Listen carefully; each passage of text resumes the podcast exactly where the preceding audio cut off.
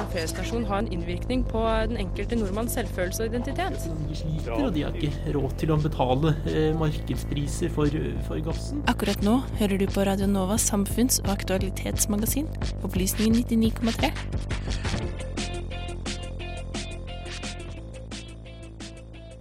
Vi skal snakke om eh, skattlegging av tips. og Frem til nå har ansatte vært selv pliktig til å innberette tips som skattebart. Men siden 1.1 har regjeringen endret loven. Arbeidsgivere må innrapportere, foreta forskuddstrekk og betale arbeidsgiveravgift på alt tips som mottas av ansatte. Mange har også sluttet som servitører pga. tipsene er en veldig stor del av deres lønn. Dette har rammet både arbeidsgivere og arbeidere i servicebransjen, f.eks. vår gjest Øyvind Tue som er både barsjef og administrator av den velkjente Facebook-siden Si nei til skattlegging av tips. Velkommen til deg, Øyvind. Takk for det. Jeg tenkte vi kunne starte ganske enkelt. Jeg lurer på, Hva tenker du om den nye loven mot skattlegging av tips?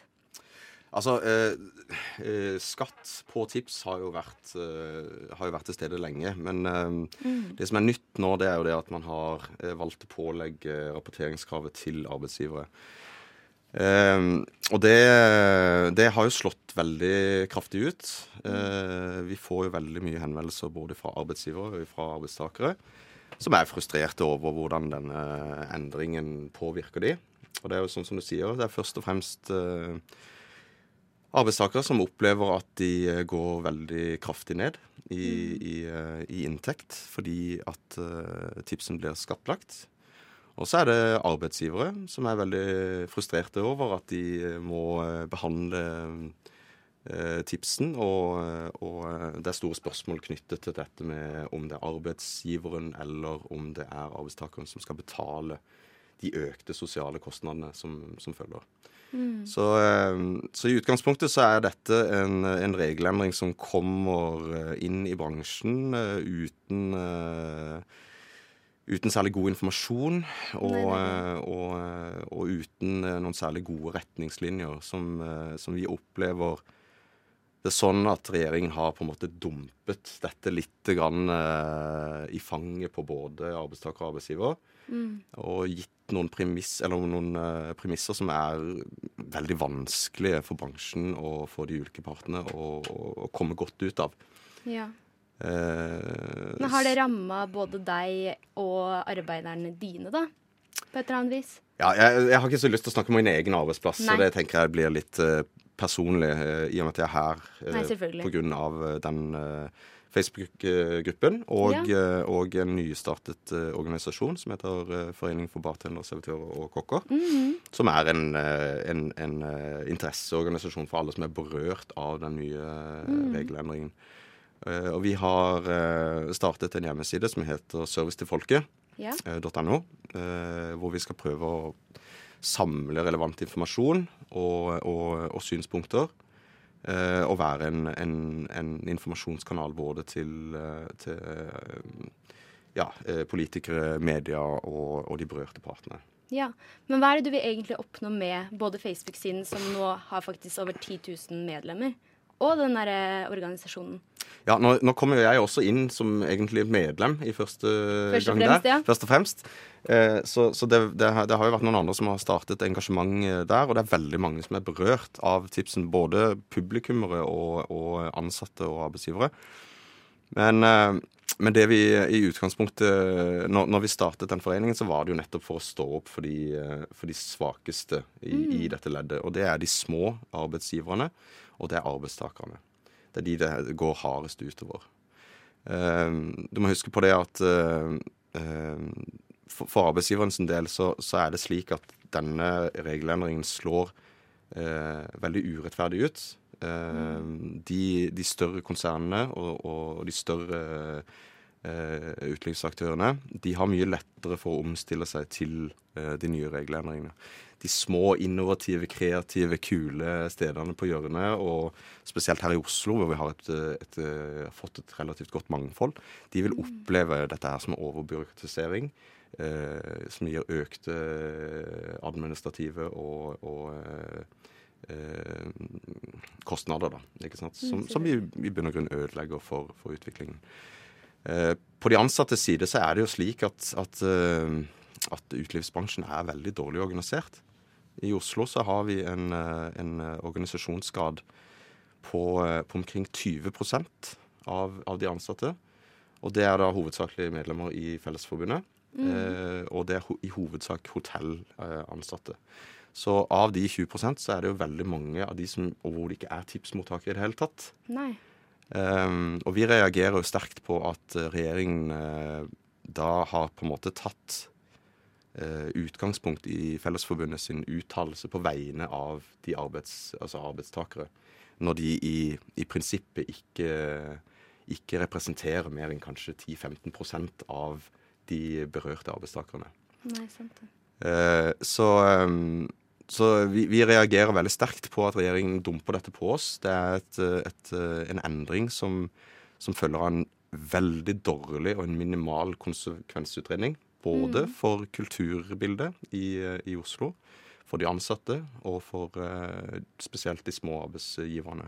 Mm. Men tror du det, på, det, kommer til å ha en påvirkning på prisene på restaurantene, på barene? Definitivt. Definitivt. altså, kan, det, det, viktigste kulturaspektet her, det er jo det at vi vil få større forskjeller. Vi ser allerede nå, eh, to måneder etter reglene kom, kom, inn, at det er ulik praksis. Noen arbeidsgivere velger å dekke de økte sosiale kostnadene. De vil nødvendigvis komme til å måtte svare med å øke prisene. Ja. Eh, der hvor man har eh, kompetanse og eh, hvor man trenger erfarne arbeidere, de har ikke råd til å gi slipp på dette, så de blir nødt til å øke eh, lønningene. Og et økt lønnspress gir økte priser. Mm. Så det vi vil se, spesielt her i Oslo, hvor vi har et, eh, et bredt spekter, det er det at, at, at uh, utelivet som fremmer kvalitet, og som fremmer uh, uh, gode opplevelser og service, de vil bli mer utilgjengelige for folk flest fordi at det blir dyrere. Mm. På den andre siden så, så er det eh, de som, som, kanskje driver litt mindre useriøst, eh, har fått nye smutthull for å, for å, for å drive mindre stuereint eh, av dette forslaget. Så vi er veldig kritiske til, eh, til uh, hvordan dette slår ut. Ja. Uh, uansett så er det slik at når man, når man, innfører nye regler, og ikke det følger med gode retningslinjer for hvordan dette skal implementeres, så blir det store forskjeller. Og forskjellene mm. gjør nettopp det. At, uh, at, folk i frykt for å Selvfølgelig, det er, det er en lavmarginal bransje. Det er fryktelig lite marginer. Og da, da øker prisene. Mm. Jeg er jo servitør selv, mm. og merker ofte at kundene på en måte velger å egentlig ikke gi mer tips nå. Ja. Tror du det kan være det, at folk bare slutter å gi tips fordi de vet at uh, det, det helt, ikke har noe med saken å gjøre? Det er en helt naturlig konsekvens. Vi så det i, i taxinæringen for 10-15 år siden. Mm. Uh, når press, prisene ble presset oppover der. Uh, folk er Folk har et kulturelt forhold til tips. Mm. Noen tipser ikke, og det er helt greit. Det er ikke noe som skal være et krav. Men, men, andre ønsker å, å, å, tipse som en påkjennelse for, eh, på, for godt arbeid. Mm. Um, og det, uh, det, det er jo selvfølgelig Altså, tips er jo jeg, jeg, forstår på en måte regjeringens utgangspunkt med at, at dette er uregulert, og man er redd for at det holder pris, eller lønnsnivået nede, og at tips ikke skal fungere som, en, som et slags substitutt til gode lønnsvilkår. Det er vi helt enig i. Mm. Men, eh, men, måten dette gjennomføres på, er stikk i strid mot, uh, mot, de aktørene i bransjen som vet hva de snakker om. Mm. Både på arbeidsgiver og arbeidstakers side. Og da syns vi det er veldig merkelig at, at regjeringen går fram med dette her. Mm. Tipsene har jo ofte blitt omtalt som en gave, om jeg kan si det sånn, fra mm. kundene. Mm. Tenker du det er det?